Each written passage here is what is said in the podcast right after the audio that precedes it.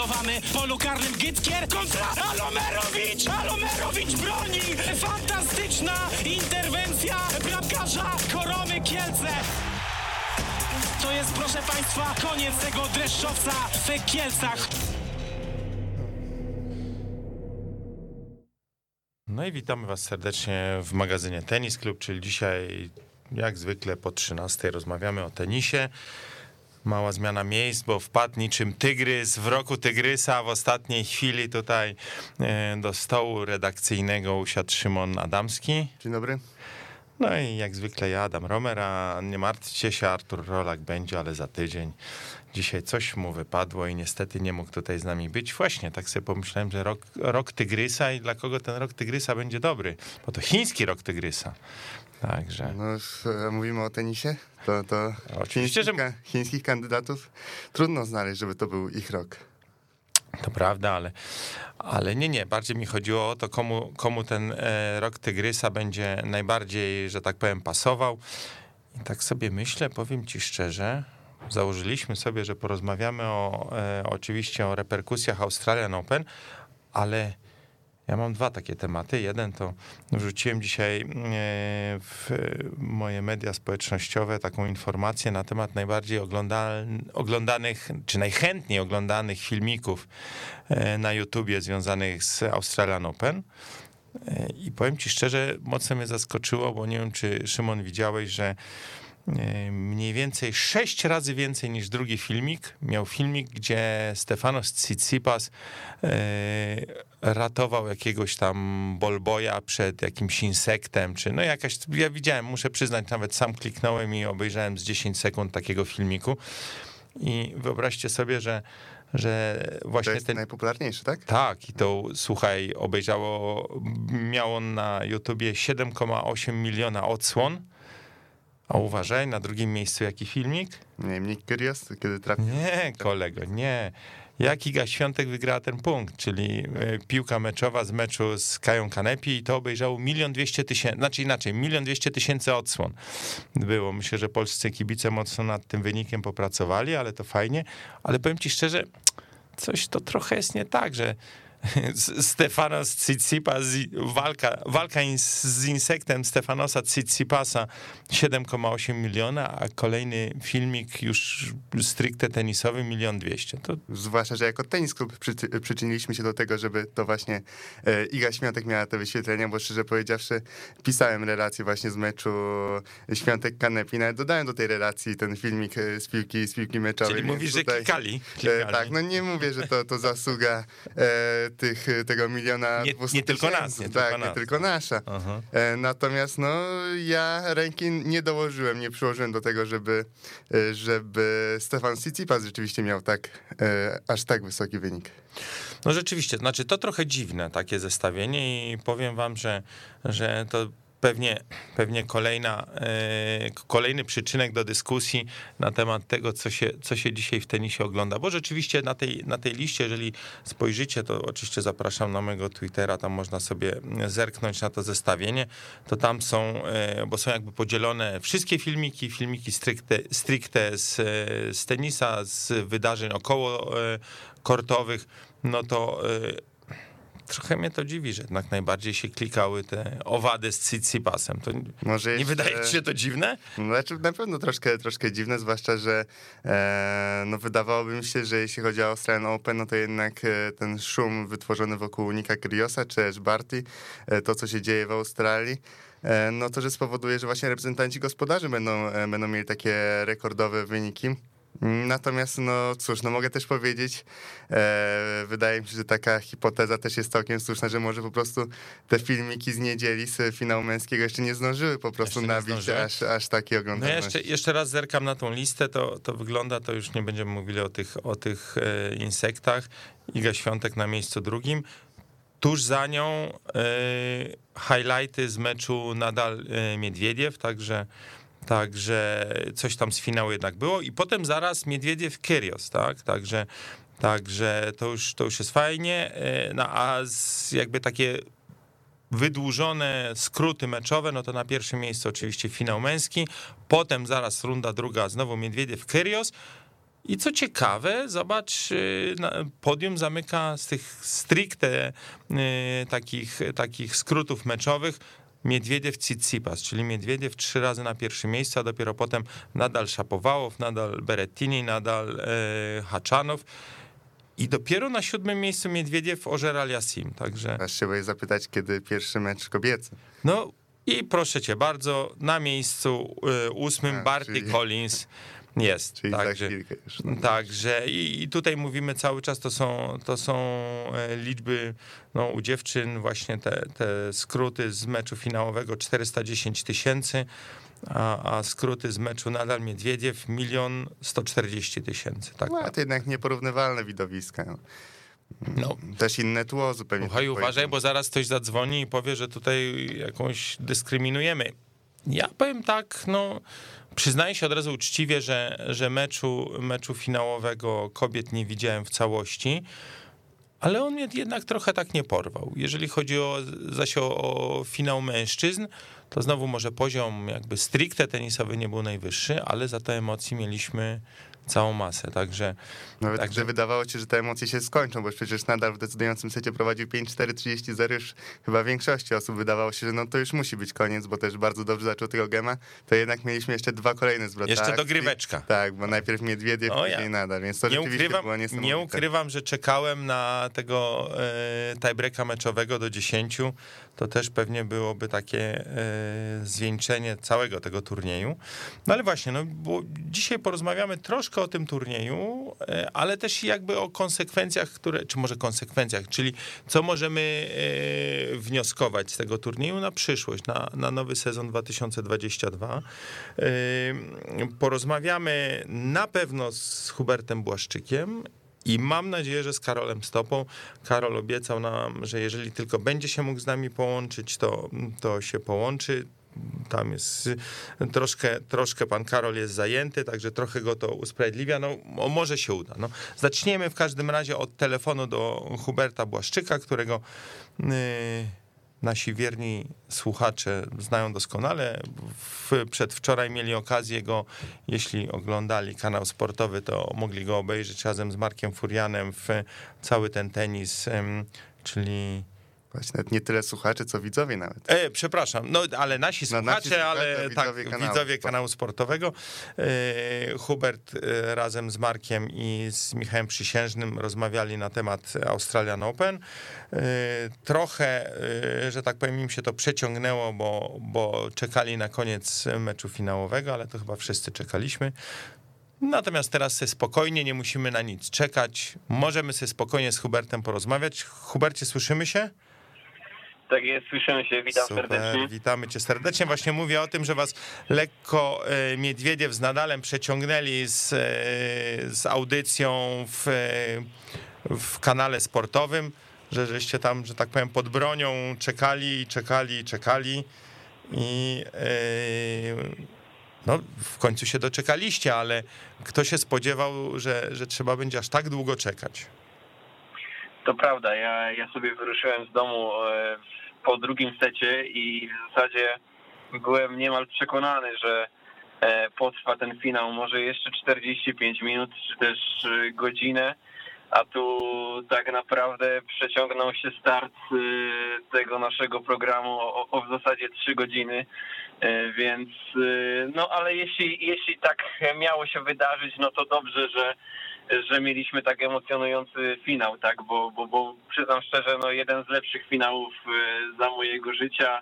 Jeśli chodzi o, o dramaturgię, o emocje, to oczywiście ten finał z Australii jeszcze przychodzi do głowy Dżokowicza z Nadalem, gdzie obaj panowie e, podczas ceremonii ledwo mogli ustać i, oczywiście ten finał wimbledoński Nadala z Federerem, to to też na pewno, no może nawet wyżej bym go umieścił niż, niż ten, który mieliśmy teraz.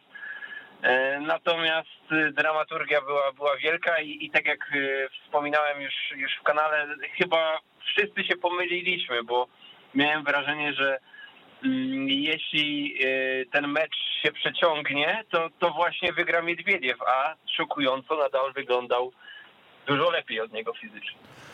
No to trzeba przyznać, ja też się biję w piersi, bo uważałem Miedwiediewa raczej za zdecydowanego faworyta i, i w trakcie tego meczu y, też taką opinię wygłosiłem, że, że to Rosjanin raczej Hiszpana na korcie centralnym zamęczy i i bardzo mi się podobała taka e, infografika też wrzucona oczywiście w media społecznościowe przez jakiegoś e, mającego szybkie palce internautę, który porównał, wrzucił stan meczu z połowy trzeciego seta, czyli 2-0 w setach, 3-2 dla Miedwiediewa i przy serwisie Nadala 0-40 i porównał to, mieliśmy taki finał e, Super Bowl e, sprzed paru lat, kiedy to New England Patriots przegrywali chyba na dwie minuty przed końcem trzeciej kwarty 3 do 20, chyba 3 do 28 z Atlanta Falcons i, i to chyba dobre porównanie, bo bo chyba nikt się nie spodziewał, że, że w tym momencie, gdybyśmy tak zrobili stop klatkę, to mało kto by powiedział, że, że tutaj jeszcze coś dobrego się dla Nadala może zdarzyć. Sport w pełnej krasie, można powiedzieć, że, że nigdy nie można być pewnym, e, że ktoś po prostu zejdzie jako zwycięzca, czy to na stadionie, czy na korcie, ale fajnie, że wspomniałeś ten finał Super Bowl, bo, bo to też E, był wątek tam tenisowy związany z Jenny Bouchard. Ona wtedy musiała pójść e, na, na randkę z kibicem z Twittera po, po, po tej porażce, kiedy założyła się, się na Twitterze z jednym z kibiców, więc, więc też wątek tenisowy był przy tym finale Super Bowl. No właśnie, ale e, wracając do, do Australii, bo pojawił się też po, po tym meczu finałowym taki wątek, który też chciałbym poruszyć, takiego dość cierpkiego monologu e, Miedwiediewa na konferencji prasowej i takiego chyba ja przynajmniej tak to odebrałem, jako taki rodzaj rozczarowania tym, co się, co się w Australii stało i też trochę takiego, e, bym powiedział, rozczarowania Rosjanina postawą e, australijskiej publiczności. Nie wiem, czy miałeś okazję, Hubert, przeczytać tą transkrypcję konferencji. Mm, powiem szczerze, że, że mignęło mi to, natomiast no, te wydarzenia pomeczowe, ceremonie i, i, i konferencje właśnie nieco mi w tym całym zgiemku umknęły. Natomiast no, jeśli chodzi o Miedwiediewa i też Kriosa, no, to są ludzie, którzy e, przyciągają trochę inną publikę do tenisa i dobrze, że są. Natomiast mam wrażenie, że te ich reakcje E, no często podburzają kibiców do określonych zachowań, czy to dobrych, czy to złych. I, i myślę, że zarówno Kyrios, jak i Miedwiediew muszą mieć tego świadomość.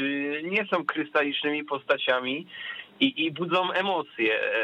Tak samo było z Kyriosem w trakcie finału Debla, e, gdzie no daleko było od atmosfery tenisowej i, i później Kyrgios trochę E, w stylu LeBrona Jamesa, który w meczu NBA poprosił o wyproszenie kibica, to Kyrgios zrobił podobnie w trakcie finału Debla. Mam wrażenie, że te ich właśnie reakcje, interakcje z publiką nie zawsze um, nacechowane pozytywnie, później przekładają się na to, jak te ich mecze wyglądają i jak publika reaguje między serwisami, czy to ich, czy to rywala to by nie najlepiej świadczyło o, o, e, samym, o samych tenisistach, o Kriosie i Miedwiediewie, no bo jednak wydawałoby się, że moglibyśmy żądać nawet od nich takiej świadomości, no bo to jednak oni są e, centralnymi postaciami tych widowisk tenisowych.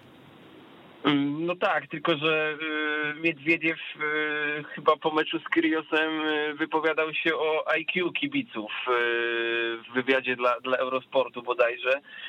I trzeba mieć świadomość, że jeśli decydujesz się na taką szczerość przed kamerami, ja oczywiście szczerość zawsze sportowców cenię, bo, bo w tym świecie, gdzie e, dominuje PR, gdzie dominuje przekaz w social mediach moderowany przez agencję, szczerość jest bardzo cenna. Natomiast no, Miedwiediew musiał się spodziewać, że e, w kolejnych meczach po takiej wypowiedzi publika raczej za nim nie będzie, więc e, tutaj e, mam wrażenie, że, że, że, też, zresztą wynik też na to wskazuje, że Miedwiediew nie najlepiej ten mecz zniósł, zarówno fizycznie, jak i, jak i mentalnie, moim zdaniem.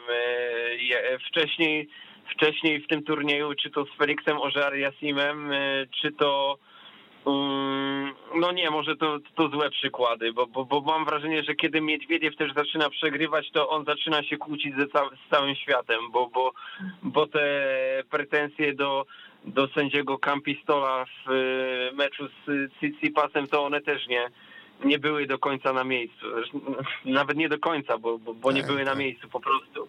Zresztą Więc, on, y, tak, tak. Więc mam po prostu wrażenie, że, że jeśli Miedwiediew wygrywa, no to macha sobie palcem y, gdzieś w kierunku publiczności, a kiedy zaczyna przegrywać, to te wszystkie e- emocje gdzieś przemieniewierzają się przeciwko niemu. Tylko, że no dziwne, że, że ma o to pretensje później. A nie masz takiego wrażenia, że to jest y, robione z pełną premedytacją, żeby, że on potrzebuje, oczywiście jakby nie chcemy go porównywać do Johna McEnroe, ale, ale jakby sam mechanizm jest troszkę podobny, że on potrzebuje sobie wykreować jakąś taką sytuację, która e, dodatkowo go napędzi do, do lepszego grania. Te, te interakcje z publiką być może, ale mam wrażenie, że, że w tych kłótniach z sędziami to, to trochę już y, tracił taką kontrolę. E, Myślę, że, że w miarę spokojny był w meczu z Cresim, bo tam też y, chodził, narzekał, mówił, że ten Cresi gra nudu, no, że, że tylko serwuje, chodzi do siatki, że to w ogóle tak nie można grać w tenisa. I, i tak między punktami sobie narzekał i mam wrażenie, że, że wtedy mniej więcej to kontrolował, ale, ale ten, ten wybuch z Cicipasem, to, to tam już miałem wrażenie, że zaraz pijana pocieknie Miedwiediewowi, więc, więc chyba trudno mówić o, o takiej kontroli w tej sytuacji. Zresztą przeprosił sędziego po, po meczu, ale, ale z Nadalem też, też jakieś tam utarczki, sugestie miały, miały miejsce. Ja się uśmiecham na wspomnienie tego meczu z Cresim, bo przypomina mi się komentarz Johna McEnroe, właśnie wspomnianego przeze mnie, bo, bo John McEnroe w odpowiedzi niejako, bo może on nie bezpośrednio, ale w odpowiedzi na, na to, co, co mruczał pod nosem Miedwiediew, e, powiedział, że generalnie dzisiejszy tenis jest nudny i że się go nie da oglądać i, i że taki Cressy jest takim ubarwieniem i czymś, czymś zupełnie innym. I muszę powiedzieć, że trochę starego mistrza rozumiem, bo, bo jak sobie popatrzę na, na, to, na to też namawiam niektórych naszych słuchaczy, żeby sobie zerknąć do YouTube'a na niektóre mecze, które John McEnroe toczył. Nie mówię o awanturach od razu, tylko chodzi mi o stricte samą grę. No to rzeczywiście ta gra lat temu 40 w wykonaniu wielkiego mistrza z Nowego Jorku wyglądała troszeczkę inaczej. Ale Tu nawet myślę, że nie trzeba się cofać aż tyle, ale, ale nawet te mecze Samprasa, Gasiego, ja sobie tak y, włączyłem kilka miesięcy temu y, też takie spotkania, to one miały trochę zupełnie, y, nawet nie trochę, miały zupełnie inną dynamikę, one toczyły się szybciej, akcje były rozgrywane w innym stylu i, i- i mam wrażenie też, że na wierzchnie mm, to, że grano również na dywanie, to wszystko było dużo bardziej różnorodne. Nie wyobrażam sobie dzisiaj Nadala e, wtłoczonego w nawierzchnię dywanową. No, przede wszystkim pytanie, jakby sobie poradził z tym, no ale ja e, zawsze mi się w tym kontekście przypominają takie dyskusje, które już właściwie to chyba dobre 20 lat temu było, były toczone, że a, że to w ogóle już jakieś kolej, kompletne szaleństwo z tym serwisem, za szybko, że trzeba coś zmienić, może większe piłki, może układać wolniejsze nawierzchnie, może e, no, w jakiś sposób dawać więcej szans returnującym. No ale zobaczcie, co się stało. Ci zawodnicy są dzisiaj tak sprawni, tak się wyszkolili, że, że wcale serwis nie musi być e, przewagą, by nie powiedzieć, że oczywiście u tych najlepszych bywa, bywa przewagą, ale też nie zawsze, bo, bo ilość, ilość przełamań, e, im, im idziemy w dół rankingu, to tym więcej mam takie wrażenie, ale e, no dobra, ale to takie dywagacje. Hubert, jak myślisz, jak to się, e, to co, to co wydarzyło się w turnieju, na razie rozmawiamy o mężczyznach, e, w turnieju w Melbourne wydarzyło, jak to się odbije na, na przebiegu całego sezonu 2022, no bo teraz chyba możemy powiedzieć coś więcej na ten temat i, i czego właściwie się spodziewać. Oczywiście gdzieś tam w tle, e, wiedząc o problemach Nowaka Dżokowicza, no bo, no bo te problemy chyba się nie skończyły po wyjeździe z Melbourne. Wiemy więcej, ale ten szlem w Australii, e, mam wrażenie, że czasami jest e, nieco oderwany od tej reszty sezonu ze względu na specyfikę i, i to, że część tych zawodników e, przed przylotem rzadko trzyma dłużej rakietę w ręku, jak choćby Hubert Furkacz, który e, no nie trenował zbyt dużo pod względem tenisowym przed przylotem, ale no pewne wnioski można, można wysnuć, bo skoro nadal jest e, tak mocny po tym, kiedy jeszcze we wrześniu chodził o kulach, to, to ja się obawiam mojego rywali E, na mączce, bo, bo nie sądzę, żeby wiele startował e, teraz. E, myślę, że zagra najważniejsze turnieje, czyli Indian Wells Miami i, i później płynnie przejdzie do, do sezonu na, na, na kortach ziemnych, więc jeśli nadal dodałby kolejny tytuł w Paryżu, no to już naprawdę spore problemy Dżokowicza w tym wyścigu o,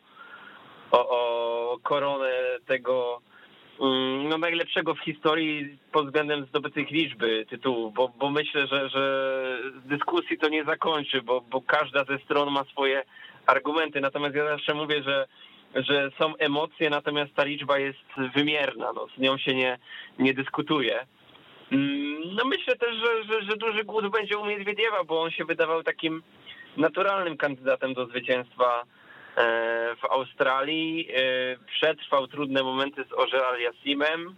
Zagrał naprawdę dobry mecz z Tsitsipasem. W finale też wszystko szło po jego myśli.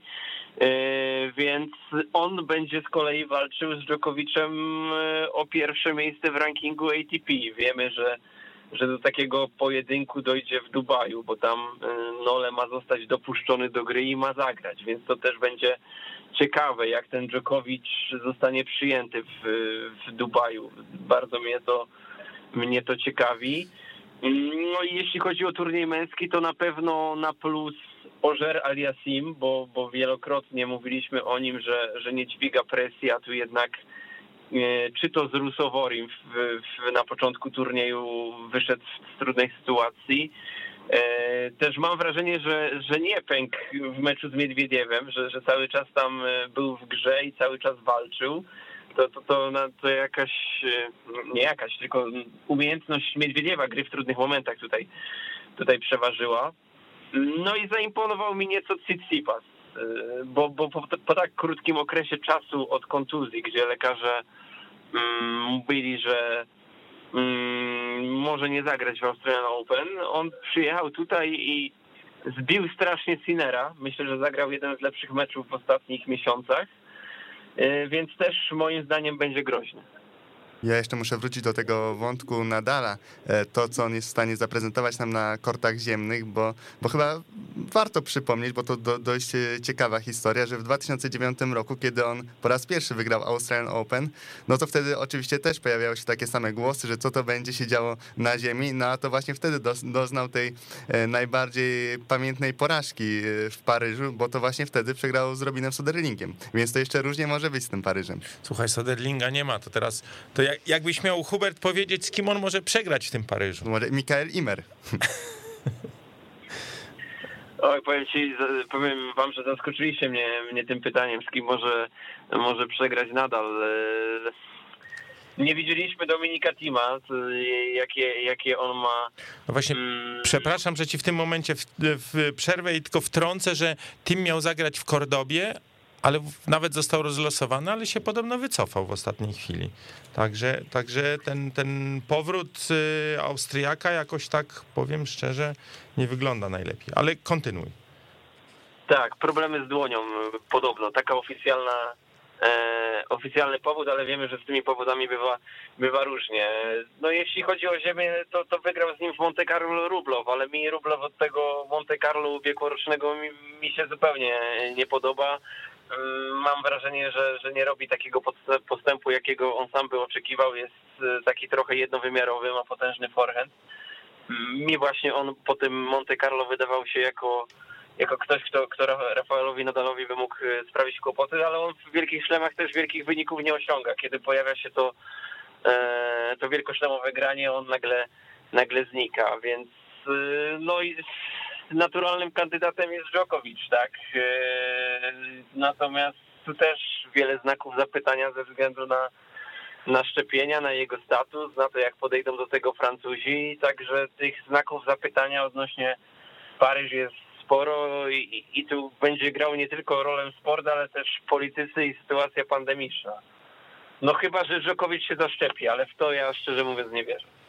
Ciekawym przypadkiem jest też Carlos Alcaraz, o którym jeszcze nie wspomnieliśmy, ale on już przed Australian Open przez bookmacherów był stawiany naprawdę wysoko. Gdzieś tam liczono w tym świadku, że, że ten okres między sezonami to dla takiego młodego tenisisty będzie e, naprawdę dogodna okazja do tego, żeby jeszcze e, podnieść poziom gry. No w Australian Open spisał się, można powiedzieć, bez zarzutu, no bo, no bo przegrał z Berrettini po tiebreaku decydującego seta. No to, to, to e, żaden, żaden powód, żeby mu właśnie takie, takie zarzuty stawiać. Natomiast wydaje wydaje się, że na tej swojej e, ulubionej mączce on rzeczywiście może być jeszcze groźniejszy i skoro się nie udało w Australian Open, to może ten e, wybuch, ta eksplozja e, formy, jakiejś takiej e, wielkości Alcaraza e, do, dojdzie do tego właśnie podczas Rolanda Garrosa.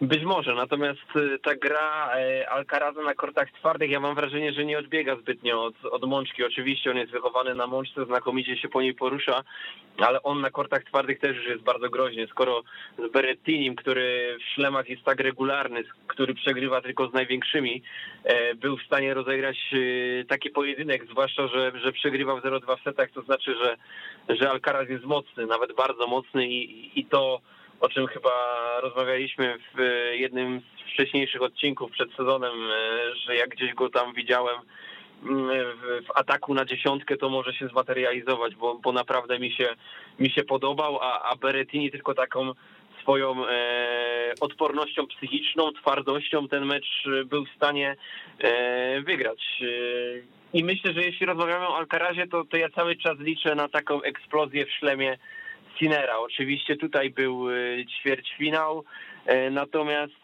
stać tego Włocha na, na dużo większe rzeczy, a na mączce też nie jest gapą, więc, więc też będzie, będzie groźny i może rzucić wyzwanie najlepsze. No, czyli takie dwa ciche, dwa ciche typy, może może typy to za dużo powiedziane, ale dwa takie nazwiska, które gdzieś tam pewnie z punktu widzenia Nadala lepiej, żeby były daleko w drabince, to rozumiem Sinner i Alcaraz. To, to będzie ciekawe rzeczywiście. E, a Hubercie, zapytam cię jeszcze, bo rozmawialiśmy też sporo o twoim imienniku, czyli Hubercie Hurkaczu, ale ja bardziej chciałem zapytać o, o Kamila Majchrzaka, który wrócił do setki. Dziś to też warto podkreślić, wygrał, wygrał mecz e, w Indiach w turnieju ATP 250 w Pune 6-3-7-5 z Jay Clarkiem. To taki solidny Brytyjczyk, ale oczywiście dużo niżej sklasyfikowany niż, niż Majchrzak. No właśnie, i co sądzić o, o Kamilu, który który ja mam trochę takie wrażenie, powoli widać e, rękę szwedzkich e, szkoleniowców Polaka. Wyjąłeś mi to, mi to z ust, bo też e, chyba wreszcie w miarę spokojny okres przygotowawczy u Kamila. Co prawda trochę turbulencji w Australii po, po tym nieszczęsnym, pozytywnym wyniku, ale, ale miałem wrażenie, że, że to aż tak się nie odbiło, bo potem jednak wynik w meczu z Andreasem Seppim dość e, niespodziewany i, i, imponujący w pewnym sensie, bo, bo spodziewałem się tam pięciosetówki twardego, e, trudnego, twardego pojedynku, a, a jednak e, z rywalem powiedzmy równym sobie e, Kamil zagrał na swoich warunkach i, i, i wygrał.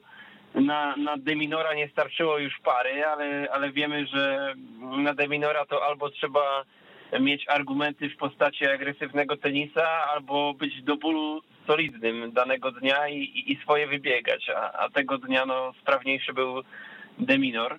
E, myślę, że wygląda to, to bardzo pozytywnie dla, dla Kamila Majszaka. Wygrał też z Delbonisem taki e, trudny mecz w ATP Cup. E, wielu powie, że ten Delbonis na, na, na wierzchni twardej ma fatalny bilans, ale, ale to też jest pewną sztuką wyjść na mecz e, z Argentyną, wiedząc, że że ten, od tego pierwszego meczu sporo zależy, bo przecież Hubert Hurkacz nie, nie musiał e, pokonać Schwarzmana i wtedy decydujący byłby debel, a w deblu zawsze różnie, różnie może być, więc ja ten początek sezonu Kamila oceniam jak najbardziej pozytywnie. W Indiach myślę ma spokojnie otwartą drogę do do ćwierćfinału, może nawet półfinału. O, bo, to bo słuchaj, tam, właśnie moje e, następne pytanie miało być o, o mecz ćwierćfinałowy, bo będzie, znaczy inaczej, o mecz o ćwierćfinał, przepraszam. E, tak, dobrze, tak, dobrze mówię, o ćwierćfinał z Quentinem Halisem, no to ja jakoś mam w pamięci pojedynki Francuza z Polakami, to, to zdaje mi się, że, że on ma dość dobry bilans z Polakami. Także- Być może, ale też, ale też jest to tenisista dość chimeryczny, taki obdarzony dobrym serwisem, ale, mm, ale ta strona mentalna nigdy u niego jakoś nie była wielkim atutem, więc ja myślę, że taką solidnością i tym, co zbudował Kamil na, na początku sezonu, myślę, jest w stanie sobie poradzić z Francuzem. Tam jest jeszcze w pobliżu Muzetti.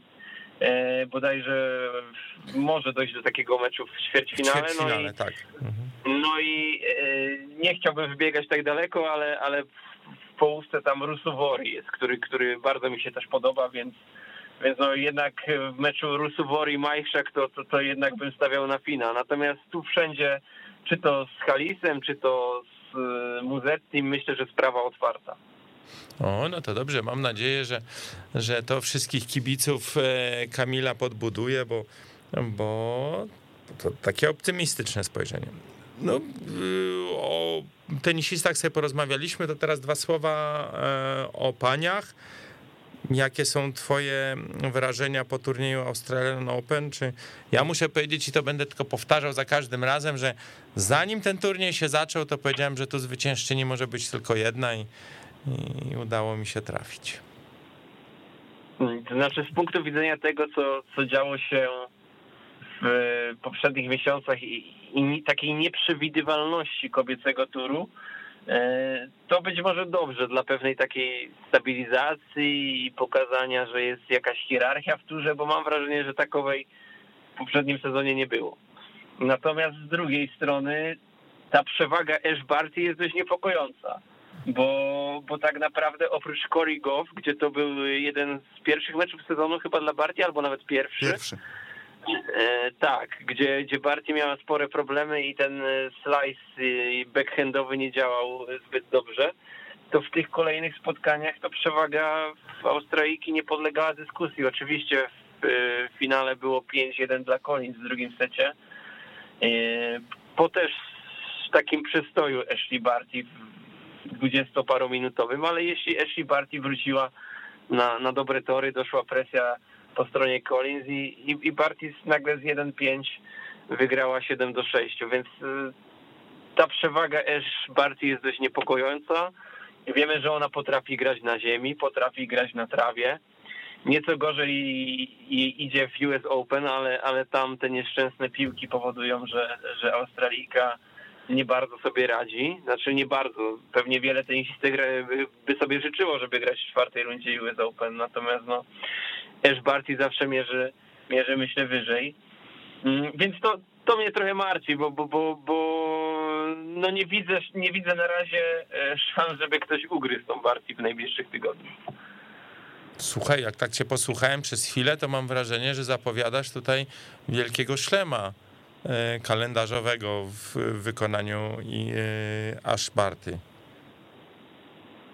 Znaczy, na pewno byłoby to coś, co- coś e, historycznego, tak, ale, ale wiadomo, że, że może przyjść pewien kryzys, natomiast myślę, że cały ten sztab Australijki będzie w tym sezonie nieco mądrzej planował starty, bo wiemy też, że w tamtym roku przyszedł taki kryzys fizyczny e, u Ash Barty i wiemy chyba, że, że nie zagra Dubaju jako jedna z niewielu tych czołowych zawodniczek. Dopiero zobaczymy ją w Dosze.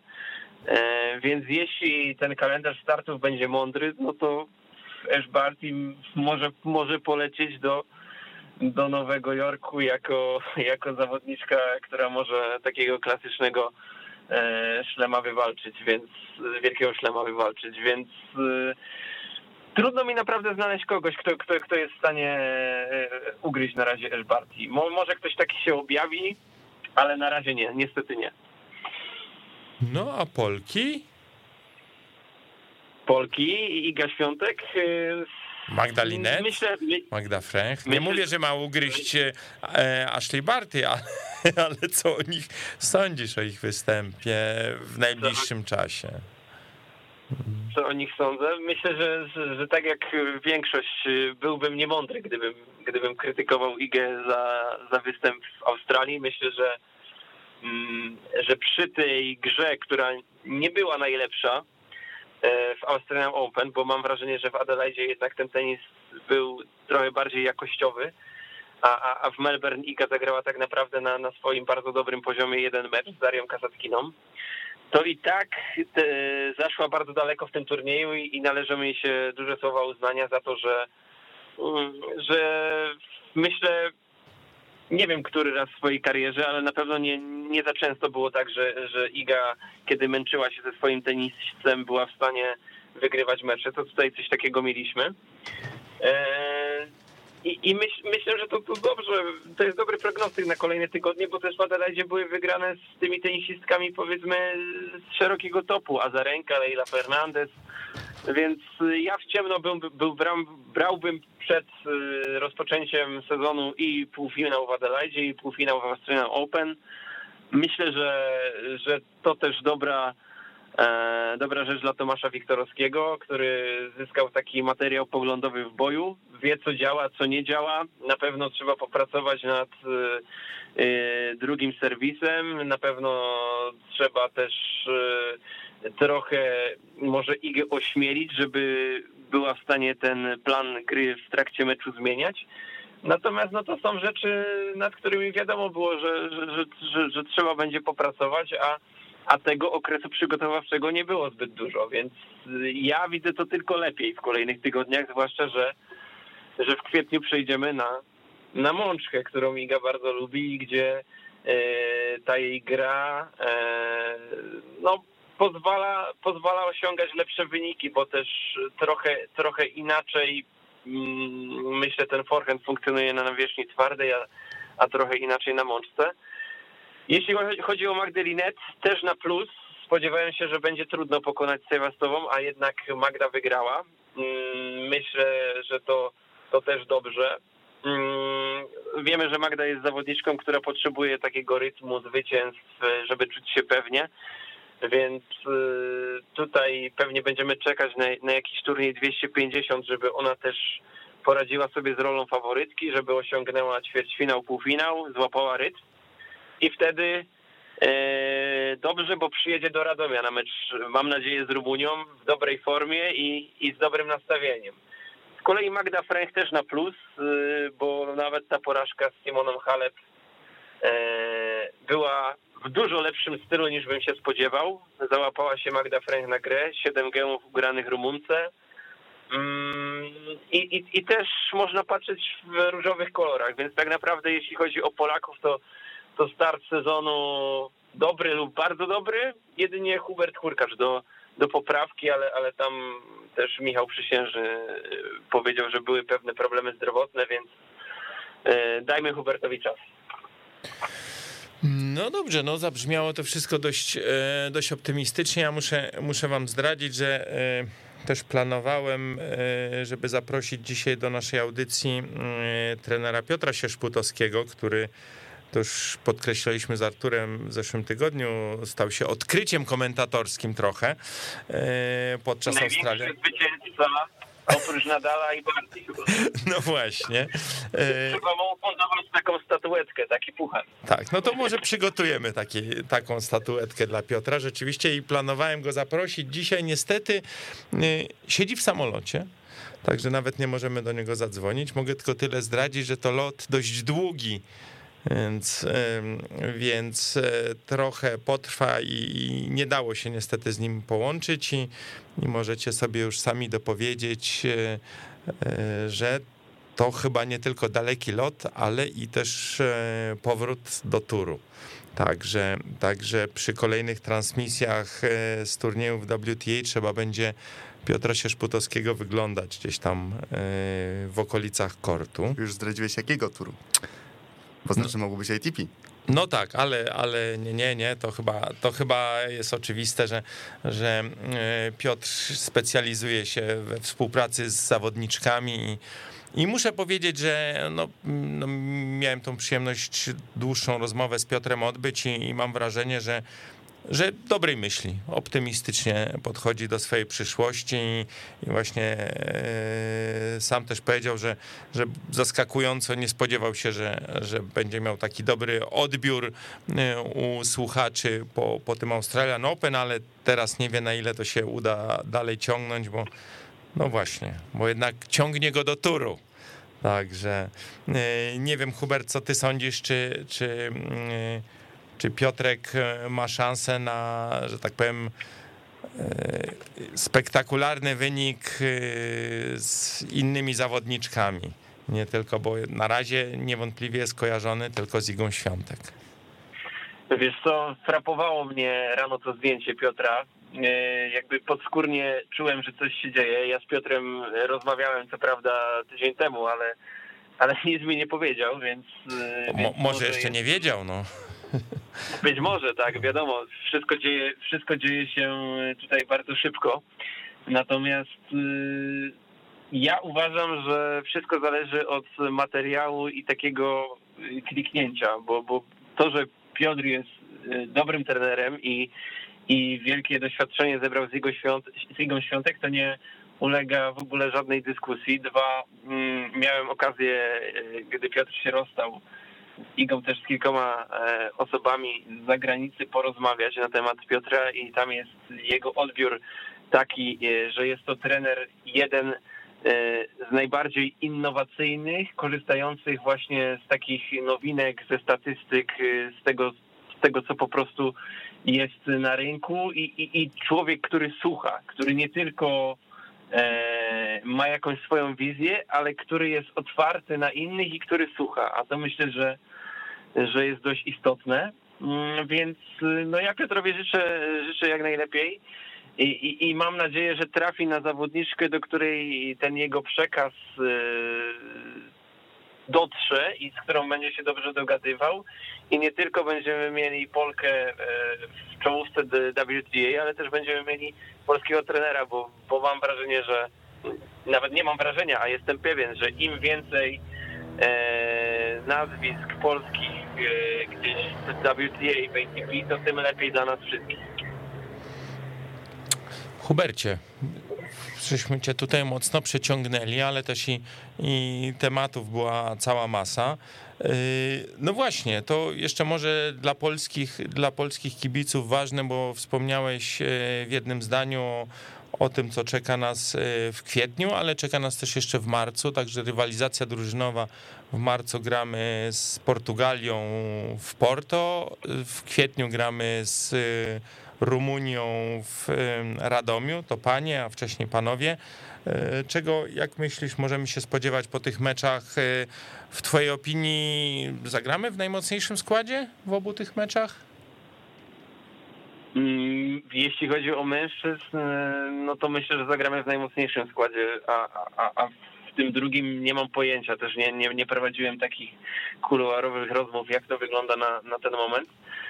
E, my, myślę nawet, że jeśli Hubert Hurkacz nie zagrałby e, z Portugalią, to i tak mamy duże szanse na, na zwycięstwo, więc, e, więc tutaj jakby nie ma takich moich obaw. Natomiast z Rumunią, jeśli by były najmocniejsze składy po obu stronach, to raz, że mamy znakomite widowisko, a dwa pewną niewiadomą co do wyniku końcowego. Każde osłabienie po jednej czy po drugiej stronie, no to przechyla tą szalę na jedną lub drugą stronę.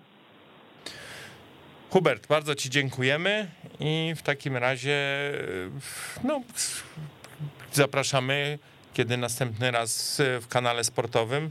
Jakoś, bo ostatnio e, rzeczywiście trochę, trochę kulała regularność tych e, magazynów, ale ale zdaje się, że Marek Furian zapowiadał, że, że będzie się teraz działo trochę częściej.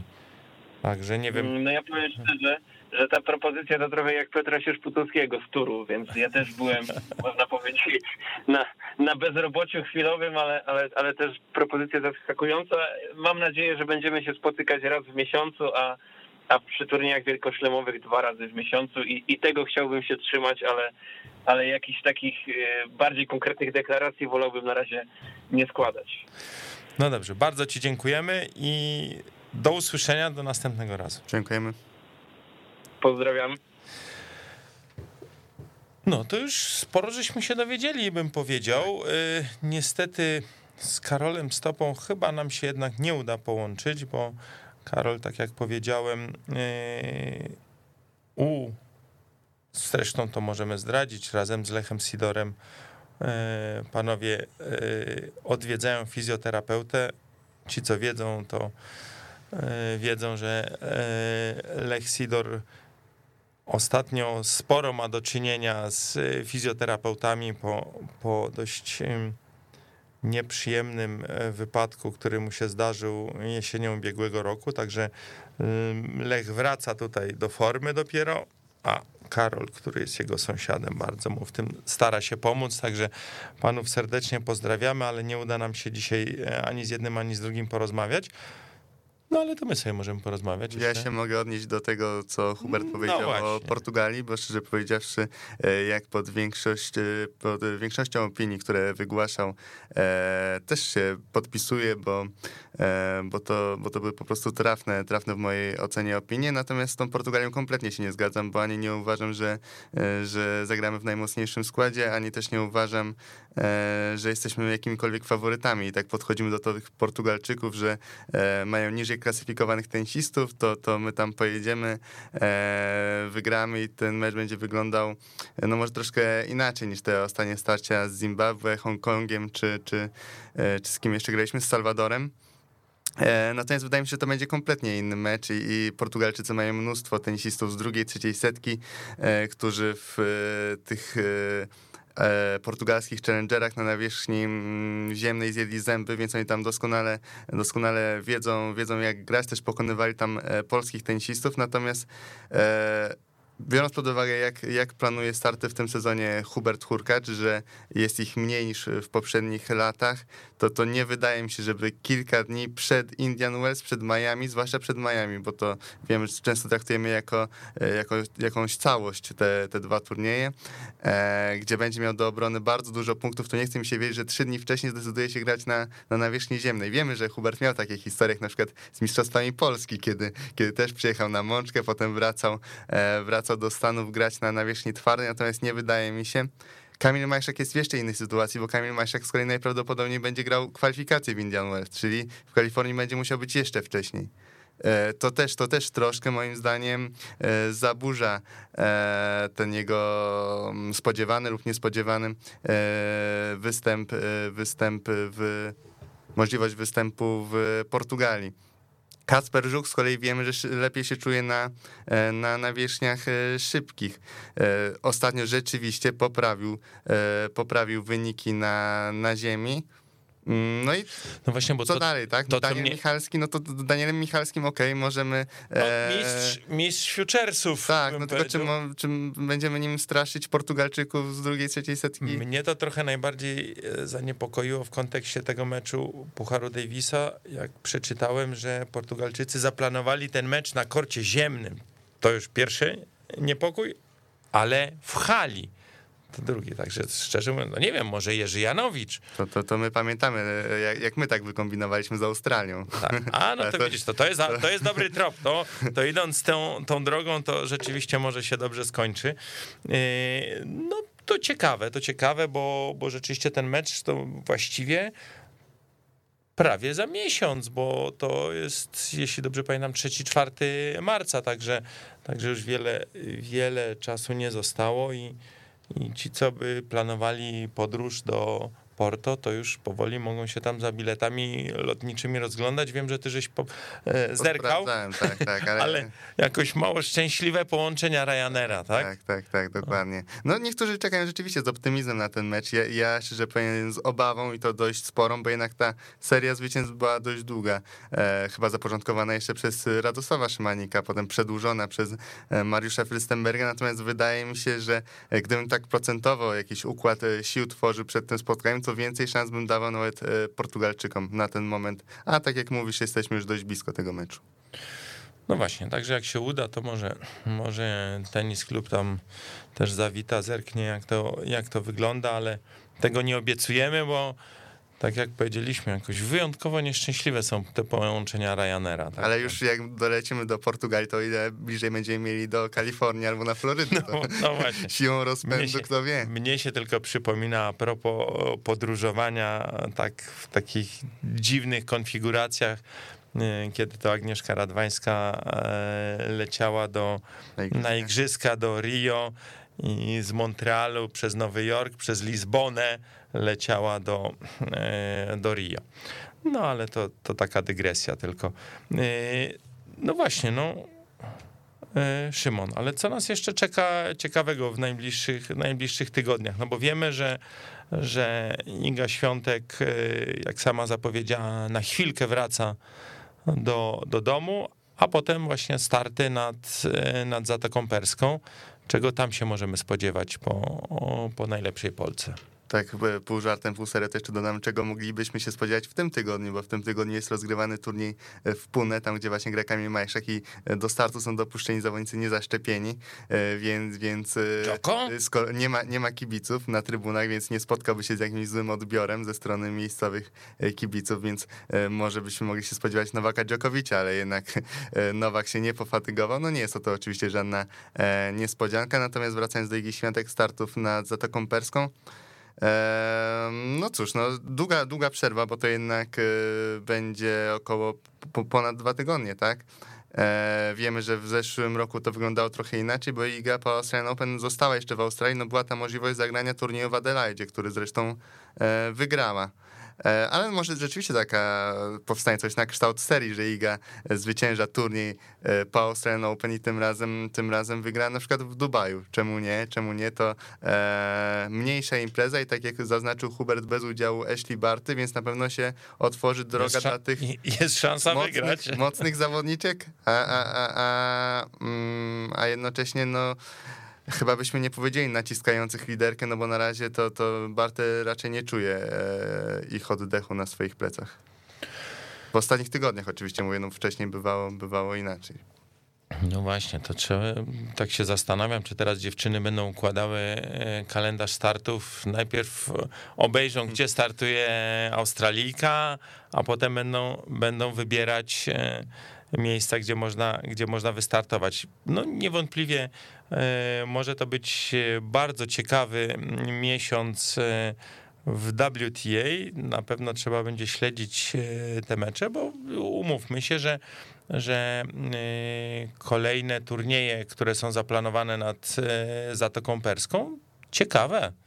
Ja bym powiedział, myślę też troszkę z naszego, z naszego punktu widzenia na pewno wydają się, wydają się ciekawe, to może, może warto, warto powiedzieć, jak nam się ten y, luty zapowiada. Najpierw turniej w Petersburgu na pewno. No właśnie, też- to, no właśnie e, chciałem powiedzieć, bo to twój ulubiony turniej przecież. No i po prostu miałem okazję, miałem okazję parę razy być, czy to na turnieju ATP, czy, e, czy WTA, więc rzeczywiście e, wiem, jak to się przedstawia w Sibur Arenie, bo tak się nazywa to miejsce rozgrywania e, spotkań. I tam z kolei zagra Magdalinet. E, nie, nie, nie zawsze mamy tam e, w tym turnieju reprezentantki w singlu, bo z reguły gra Alicja Rostowska, która tam po, po, po prostu e, lubi, lubi tam grać, natomiast e, Magdalinet nie zawsze, a w tym roku akurat się zdecydowało i z tego co wiem ma pewne miejsce w drabince głównej. No właśnie, także, także teraz mamy tydzień wolnego, tydzień oddechu po, po Australian Open. 7 lutego startuje turniej w Sankt Petersburgu, a potem tydzień po tygodniu najpierw Dubaj, w którym już będziemy mieli mm, Igę Świątek, potem e, Doha i to turniej WTA 1000, czyli myślę, że tam e, większość dziewczyn z czołówki się, się zamelduje.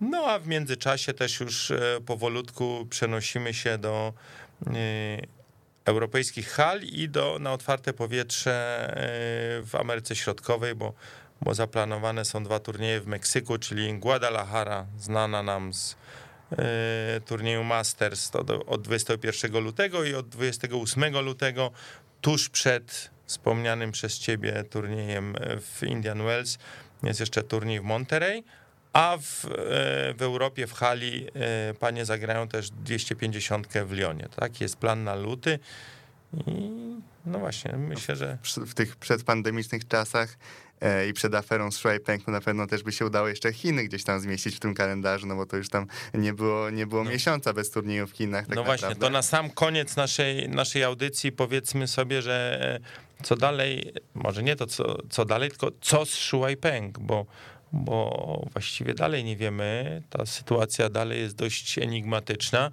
E, Wiemy, że nawet pojawił się ten temat podczas Australian Open, gdzie organizatorzy najpierw próbowali wypraszać osoby, które e, chodziły w koszulkach, gdzie jest Shuai Peng. No ale koniec końców podczas finału, e, finału kobiecego ten temat się jednak pojawił, bo z tego co mm, podawali organizatorzy tej akcji, około 2000 osób e, w takich koszulkach w dniu finału kobiet e, paradowało po, po Melbourne Park. No właśnie, no i zobaczymy, jak to dalej będzie wyglądało, bo ten konflikt na linii WTA e, Chiny nie wydaje się rozwiązany.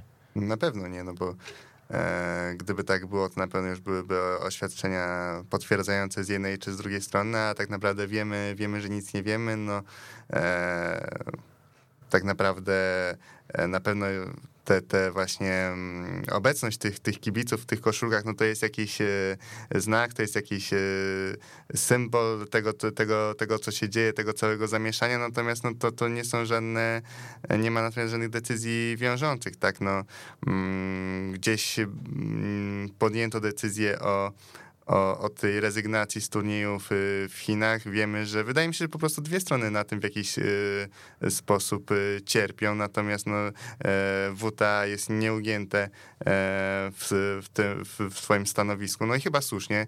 Tu, tutaj zbiera bardzo, bardzo pozytywne recenzje za to, e, za to, jak twardo się postawili za po prostu mm, dojściem do prawdy.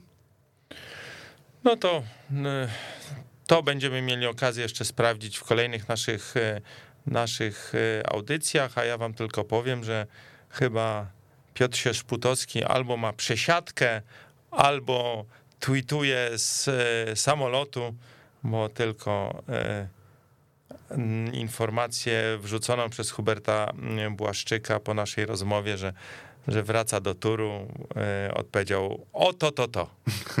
No ale to po- polecamy, polecamy mm, tego Twitterowicza, warto, warto Piotra Sierzputowskiego na Twitterze śledzić. To jest y, człowiek, który nie tylko, który nie tylko y, barwnie i dużo opowiada o świecie tenisowym, też trochę i za, za parawanu, czyli to, co się tam dzieje w szatni i tam, gdzie kamery nie zawsze wchodzą, także a poza tym jest po prostu dobrym trenerem. Także e, pozdrawiamy serdecznie Piotra Sierzputowskiego, a, a my wracamy za tydzień, jak zwykle we wtorek o godzinie 13.